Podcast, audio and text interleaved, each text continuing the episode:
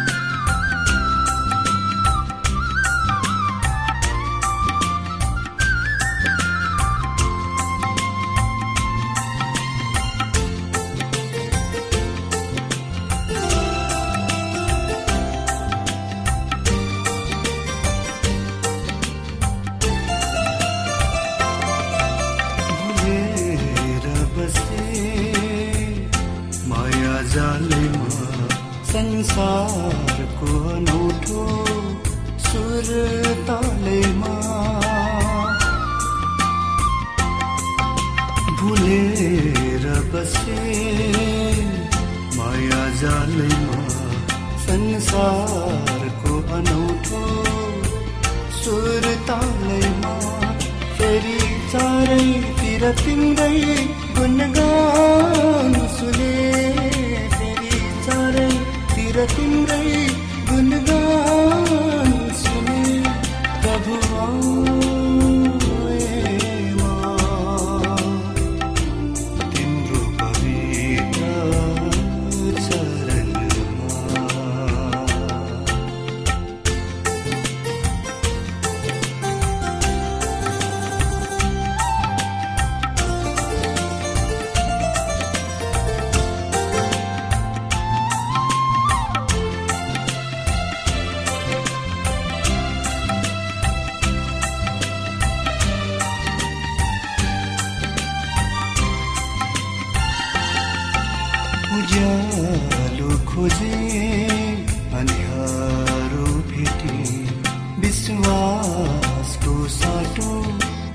अविश्वास देखे। उज्यालो खोजे अन्यारो भेटे। विश्वासको साटो अविश्वास देखे। फेरि सबैबाट तिम्रै महिमा सुने। फेरि सबैबाट तिम्रै महिमा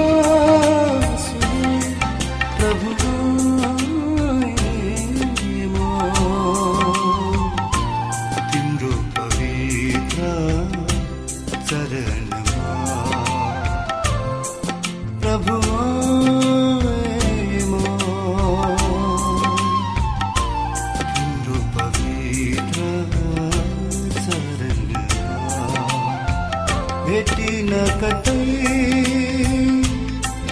मनको शान्ति भेटिन मनको शान्ति। यो समय तपाईँ एडभेन्टिस्ट ओल्ड रेडियोको प्रस्तुति भोइस अफ होप आशाको बाणी कार्यक्रम सुन्दै हुनुहुन्छ। श्रोता मित्र यो समय हामी पास्टर उमेश पोखरेलबाट आजको बाइबल सन्देश सुन्नेछौँ। श्रोता साथी न्यानो क्रिस्टी अभिवादन साथ म तपाईँहरूको आफ्नै आफन्त। चाहे मलाई तपाईँले छोरा भन्नुहोस् नाति भन्नुहोस् दाजु भन्नुहोस् भाइ भन्नुहोस् काका भन्नुहोस् जे भने पनि म तपाईँको आफन्त आफ्नै पास्टर उमेश पोखरेल परमेश्वरको वचन लिएर यो रेडियो कार्यक्रम मार्फत पुनः तपाईँहरूको सामु उपस्थित भएको छु। आउनु श्रोता आजको प्रस्तुतिलाई तपाईँहरूको सामु राख्नु भन्दा पहिले म परमेश्वरमा अगुवाईको लागि प्रार्थना गर्छु। जीवी जिउँदो महान दयालु परमेश्वर प्रभु येसु हामी धन्यवादी छौँ यो जीवनको लागि। यो जीवन तपाईँले हामीलाई दिनुभएको लागि। खातिर प्रभु हामी धन्यवादी छौँ तपाईँको पुत्र प्रभु यीशु क्रिस उहाँको प्रेम र बलिदानको लागि। प्रभु म यो रेडियो कार्यक्रमलाई म तपाईँको हातमा राख्दछु र यसका श्रोताहरूको साथमा हुनुहोस् ज जसले यसलाई सुन्नुहुन्छ र त्यसबाट तपाईँको राज्य र महिमाको प्रचार यो देश र सारा संसारमा होस्। सबै बिन्ती प्रभु यीशुको नाममा। आमेन।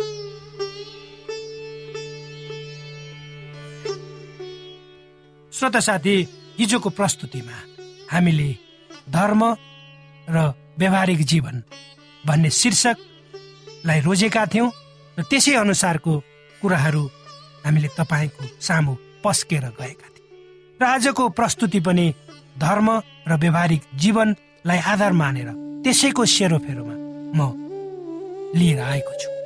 श्रोता साथी दिदी एलएनजी वाइट भन्नुहुन्छ जब धर्म शुद्ध र वेदागको हुन्छ र त्यसलाई तब मात्र प्रबल रूपमा व्यवहारमा उतार्न सकिन्छ त्यसपछि मात्र धर्मको मर्मलाई सबै मानिसमा बुझाउन र प्रचार गर्न सकिन्छ। यस भनाइले के देखाउँछ भन्दा आजको धर्म आज संसारले गर्ने धर्महरू पनि दाग भएको हुनु रहेछ। शुद्ध हुँदो रहेनछ तपाईँले गर्नुभएको धर्म के वेदागको र शुद्ध छ? यो प्रश्न तपाईँहरूको अगाडि म तेर्साउँछु। उत्तर तपाईँ आफै खोज्नुहोस्। अर्थात् कुनै पनि धर्ममा अशुद्धता दाग कपटीपन हुनु हुँदैन। चाहे संसारका कुनै पनि धर्महरू किन नहोस् त्यसमा कुनै पनि दाग त्यो दाग रहित हुनुपर्छ। त्यो कपटीपन रहित हुनुपर्छ। त्यो अशुद्धता रहित हुनुपर्छ। यदि कुनै धर्म गलत अभिप्रायले अशुद्ध छ कुनै धर्ममा कपटीपन छ भने त्यो धर्म धर्म होइन। किनभने धर्मले त्याग खोज्छ श्रोता। त्यागको लागि तपाईँको तपाईँको बलिदान रूपी शुद्ध हृदय चाहिन्छ। र त्याग र बलिदानको लागि तपाईँ र मैले जबसम्म आफूलाई सर्ग गर्न सक्दैनौ र त्यो उत्सर्ग गर्ने भावना हामीलाई परमेश्वरबाट मात्र आउँछ। दैवीय शक्तिबाट मात्र आउँछ। संसारबाट होइन। जब तपाईँ र मैले हामी परमेश्वरका व्यवस्थापक वा हेरचाह गर्ने हेरचाह गर्ने मान्छे हौ। र म र परमेश्वर बिच अन्य न्याश्रित सम्बन्ध छ भन्ने कुरालाई बुझ्छौँ र त्यो विचारमा पक्का हुन्छौँ। तब हाम्रो धार्मिक जीवन अर्थात् मेरो र तपाईँको धार्मिक जीवन व्यवहारिक जीवनमा देखिएको बेमेल छ। यो खाडल छ। त्यसलाई हामी मेट्न सक्छौँ वा मेटिन सक्छौँ। परमेश्वरको जुन अन्य मानिसहरूप्रतिको प्रेम छ। वा परमेश्वरको मानिसहरूप्रतिको प्रेम छ।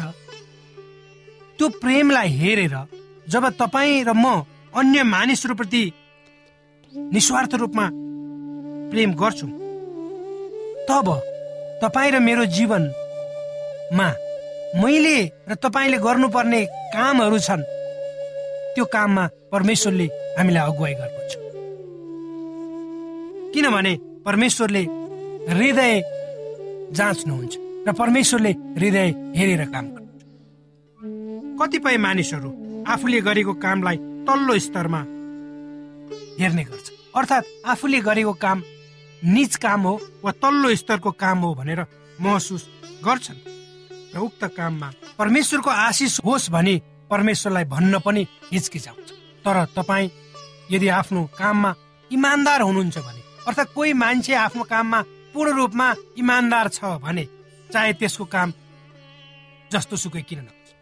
त्यसमा त्यो तपाईँले गर्ने काममा वा उसले गर्ने काममा परमेश्वरले आशिष दिनुहुन्छ।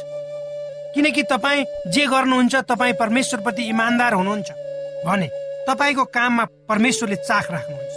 किनकि तपाईँले जे गरे पनि त्यसको मालिक को हुनुहुन्छ भन्दा परमेश्वर हुनुहुन्छ तपाईँ तपाईँ त केवल एक व्यवस्थापक वा म्यानेजर मात्र हुनुहुन्छ तपाईँको लागि कसैले काम गरिरहेको छ मान्नुहोस्। यदि त्यो काम गर्ने मानिसको चासो तपाईँले लिनुहुन्न र?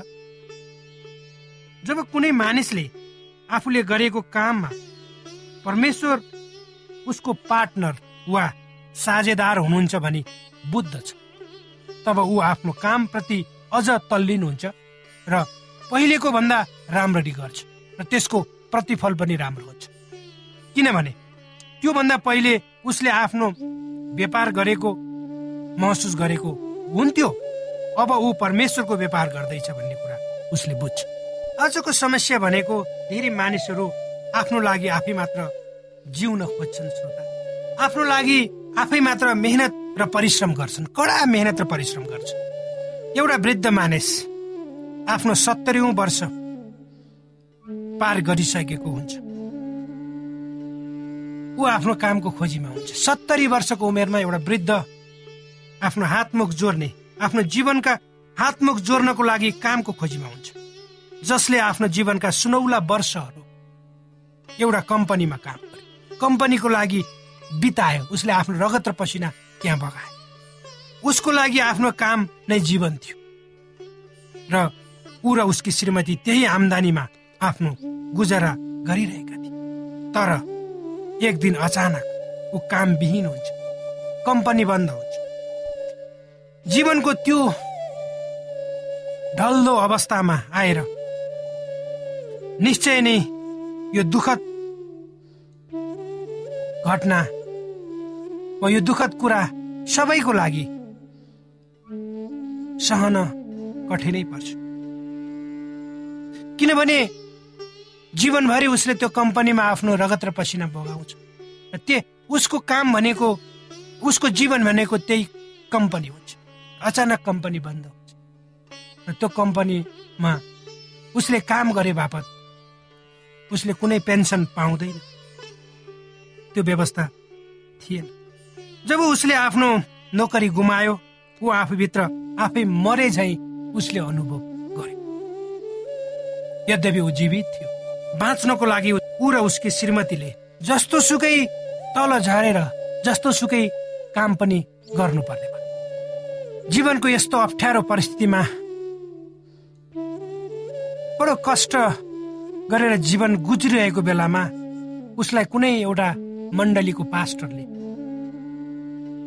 एउटा चर्चमा निमन्त्रणा गर्छ र केही दिन मण्डलीमा उनी गएर अध्ययन गर्ने क्रममा त्यो मण्डलीका पास्टरले उनलाई दशांशको विषयमा सिकाउँछ वा परमेश्वरलाई दिने विषयमा। दशांशको दस भागको एक भाग परमेश्वरको हो र त्यो परमेश्वरलाई फिर्ता दिनुपर्छ भनेर सिकाउँछ। अब यो वृद्ध दम्पति परमेश्वरको वचनबाट त यिनीहरू आकर्षित हुन्छन् तर जब पास्टरको मुखबाट परमेश्वरलाई दिनुपर्छ भनेर सुन्छन् तब यिनीहरूको अनुहारमा एउटा अन्धकार वा अनुहार परिवर्तन हुन्छ। र उनीहरू दुविधामा पर्छन् मनमा एउटा कुरा खेल्छ। किनभने उनीहरूको जो आम्दानी थियो त्यो आम्दानीले त्यो वृद्ध अवस्थामा वृद्ध शरीरलाई खियाएर प्राप्त गरेको आम्दानीले ती दुईजना बुढाबुढीलाई बिहान बेलुका खान पनि धम्मे धम्मे परेको थियो।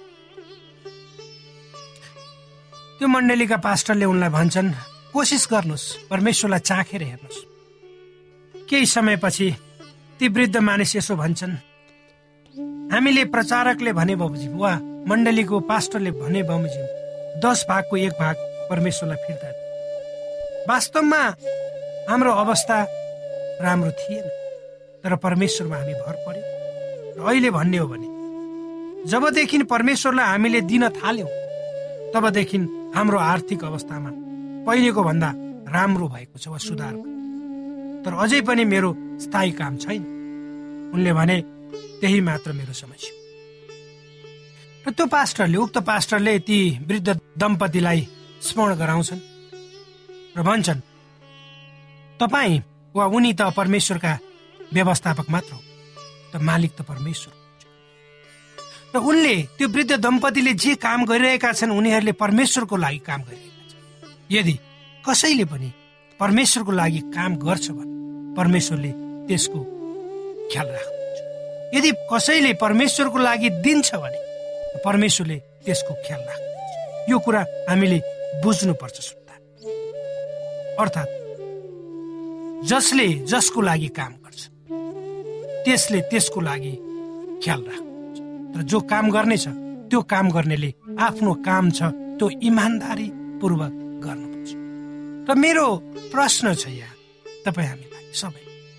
के तपाईँ र म आफूलाई जिम्मा दिएको कामप्रति इमान्दारी छौ? के तपाईँ र मैले गर्ने गरेको कामलाई तपाईँ र मैले र महत्वपूर्ण रूपमा हेरेका छौँ? र त्योभन्दा अगाडि के तपाईँ र मैले गर्ने कामको मालिक परमेश्वर हुनुहुन्छ? त्यो कुरा हामीले बुझेका छौँ। श्रोता यही प्रश्नका चटारोहरू यही प्रश्नहरू तपाईँहरूमा छोड्दै आजको प्रस्तुतिलाई म यही अन्त्य गर्छु। परमेश्वरले तपाईँलाई आशिष दिनुहोस्। तपाईँ जे गर्नुहुन्छ त्यसमा इमान्दार पूर्वक गर्नुहोस् र कडा परिश्रम गर्नुहोस्। परमेश्वरले तपाईँलाई अगुवाई गर्नुहुन्छ। आशाको बाणी। श्रोता भर्खरै यहाँले पास्टर उमेश पोखरेलबाट बाइबल वचन सुन्नुभयो। यो समय तपाईँ एडभेन्टिस्ट ओल्ड रेडियोको प्रस्तुति भोइस अफ होप आशाको बाणी कार्यक्रम सुन्दै हुनुहुन्छ। कार्यक्रम सुनेर बस्नुहुने सबै श्रोतालाई हामी हाम्रो कार्यक्रममा स्वागत गर्न चाहन्छौ। श्रोता मित्र यदि तपाईँ जीवनदेखि हरेस खानु भएको छ तपाईँका जीवनमा धेरै अनुत्तरित प्रश्नहरू छन् भने आउनुहोस् हामी तपाईँलाई परमेश्वरको ज्योतिमा डोहोर्याउन चाहन्छौँ। र तपाईँ आफ्नो जीवनका चिन्ता फिक्रीबाट निश्चिन्त हुनुहोस् र बाँच्नुको आनन्द परमेश्वरको सामिप्यमा कति मिठो हुन्छ त्यो चाख्नुहोस् भनी हामी चाहन्छौँ। श्रोता यदि तपाईँ आशाको बाणी कार्यक्रमलाई अनलाइन सुन्न चाहनुहुन्छ वा डाउनलोड गर्न चाहनुहुन्छ भने डब्लु डट एडब्लुआर डट ओआरजीमा जानुहोस्। त्यहाँ तपाईँले प्रत्येक दिनको कार्यक्रम सुन्न र डाउनलोड गर्न सक्नुहुनेछ। हाम्रो वेब पेज यस प्रकार छ W dot AWR dot ORG श्रोता यदि तपाईँ हामीसित सिधै फोनमा सम्पर्क गर्न चाहनुहुन्छ भने हाम्रा नम्बरहरू यस प्रकार छन्। अन्ठानब्बे एकसाठी पचपन्न शून्य एक सय बिस अन्ठानब्बे एकसाठी पचपन्न शून्य एक सय बिस र अर्को अन्ठानब्बे अठार त्रिपन्न पन्चानब्बे पचपन्न. अन्ठानब्बे अठार त्रिपन्न पन्चानब्बे पचपन्न. श्रोत साथी न्यानो अभिवादन साथमा तपाईँको आफ्नै आफन्त अर्थात् पास्टर उमेश पोखरेल। समसामयिक विषय लिएर तपाईँहरूको बिचमा उपस्थित भएको छु। श्रोता आजको मेरो शीर्षक छ साँचो परिवर्तन।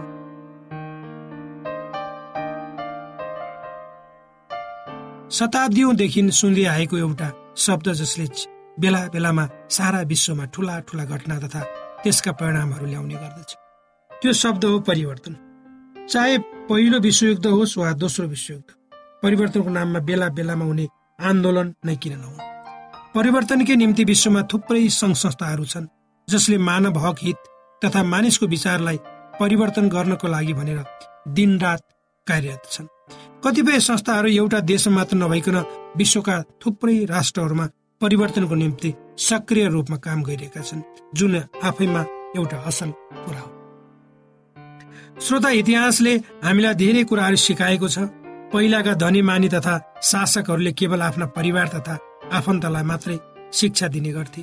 उनीहरूलाई थाहा थियो कि यदि सर्वसाधारण जनतालाई जनता पढ्यो भने उसले शिक्षा आर्जन गरेर परिवर्तनको लागि आवाज उठाउनेछ र उनीहरूमाथि भइरहेको दमन र शोषणलाई कदापि सहने छैन। त्यसैले ती शासकहरूले सर्वसाधारण जनतालाई शिक्षाको पहुँचबाट वञ्चित गराए। तर श्रोता समय परिवर्तनशील छ। समयको क्रमसँगै अब मानिसहरूले शिक्षाको महत्वलाई बुझे तब उनीहरूले शिक्षा पाउनको निम्ति ठूलो आन्दोलन तथा सङ्घर्ष गर्नु पर्यो। र अन्त्यमा सर्वसाधारण जनताले पनि शिक्षा पाउन थाले। परिवर्तनको लागि शिक्षा आवश्यक छ भन्ने कुरा हामी सबैलाई थाहा छ। शिक्षा बिना जीवन नै अँध्यारो हुन्छ। एउटा शिक्षित अशिक्षित व्यक्तिमा थुप्रै अन्तरहरू हुन्छन्। शिक्षा नपाएको व्यक्ति कामै नलाग्ने त होइन तर पनि कतिपय कुराहरूमा उनीहरूको बिचमा ज्ञानको अन्तर पक्कै पनि हुन्छ। वास्तवमा आज विश्वमा भएका यी परिवर्तनहरू शिक्षाकै उपलब्धिहरू हुन्। चाहे आर्थिक क्षेत्रमा भएको क्रान्ति होस् वा प्राविधिक संसारको उपलब्धि यी सबै शिक्षाकै कारणले सम्भव। भएको पहिलेका मानिसहरू सानै उमेरमा बिहा गर्ने गर्थे जुन असल थिएन।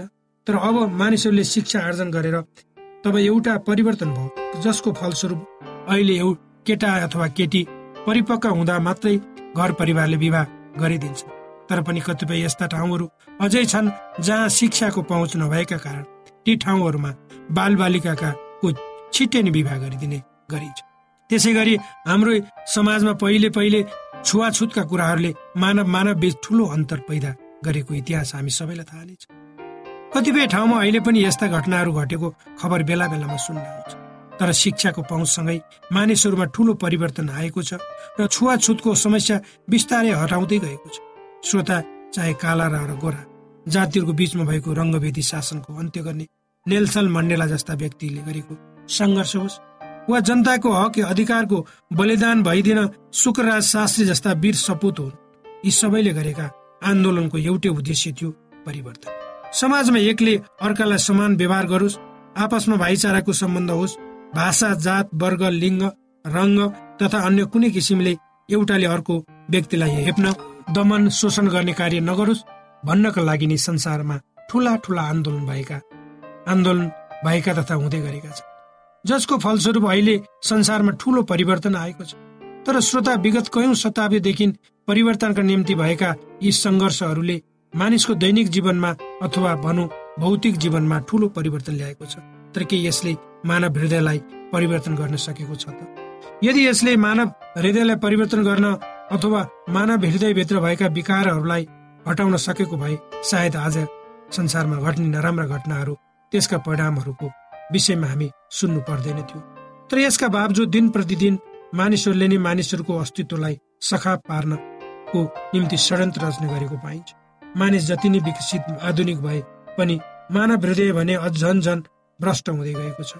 एउटा मानिसले अर्को मानिसप्रति गर्ने व्यवहार अथवा एउटा राष्ट्रले अर्को राष्ट्रसँग गर्ने व्यवहारमा कारण सारा विश्व समुदाय नै आतंकित भएको हामी पाउँछौँ।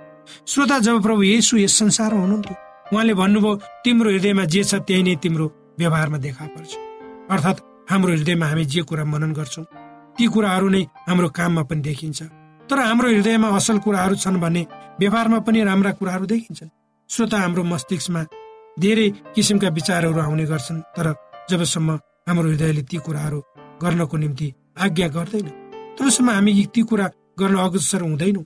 तर जब हृदयले गर भने आज्ञा गर्छ तब हामी केही विचार नगरी ती कुराहरू गरी पठाउँछौँ। चाहे त्यो राम्रो होस् चाहे नराम्रो होस्। तसर्थ श्रोता एउटा व्यक्तिले असल काम गर्नको निम्ति उसको हृदयले असल कुराहरूको खोजी गर्नु आवश्यक छ।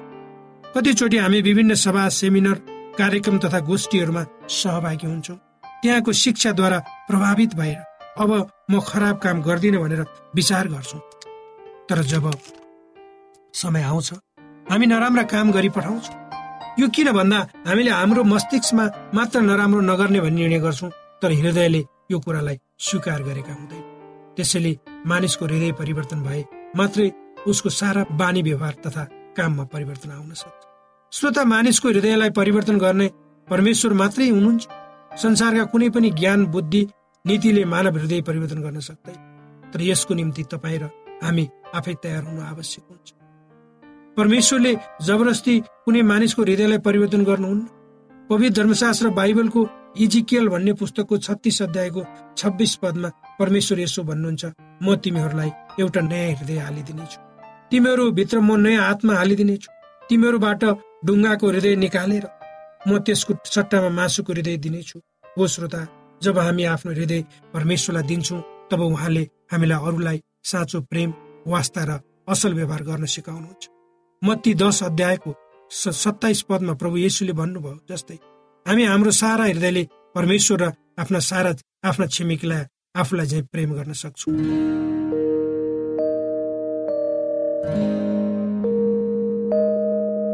श्रोता तपाईँलाई आजको हाम्रो यो कार्यक्रम शिक्षाप्रद लाग्यो र तपाईँले यसबाट विशेष अगुवाई लिन सक्नु भएको छ भने हामीले आशा लिएका छौँ।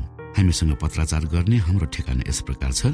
आशाको बाणी पोस्ट बक्स नम्बर दुई शून्य शून्य शून्य दुई काठमाडौँ नेपाल। श्रोता यदि तपाईँ हाम्रो स्टुडियोको नम्बरमा सम्पर्क गर्न चाहनुहुन्छ भने हाम्रा नम्बरहरू यस प्रकार छन्। अन्ठानब्बे एकसाठी पचपन्न शून्य एक सय बिस। अन्ठानब्बे एकसाठी पचपन्न शून्य एक सय बिस।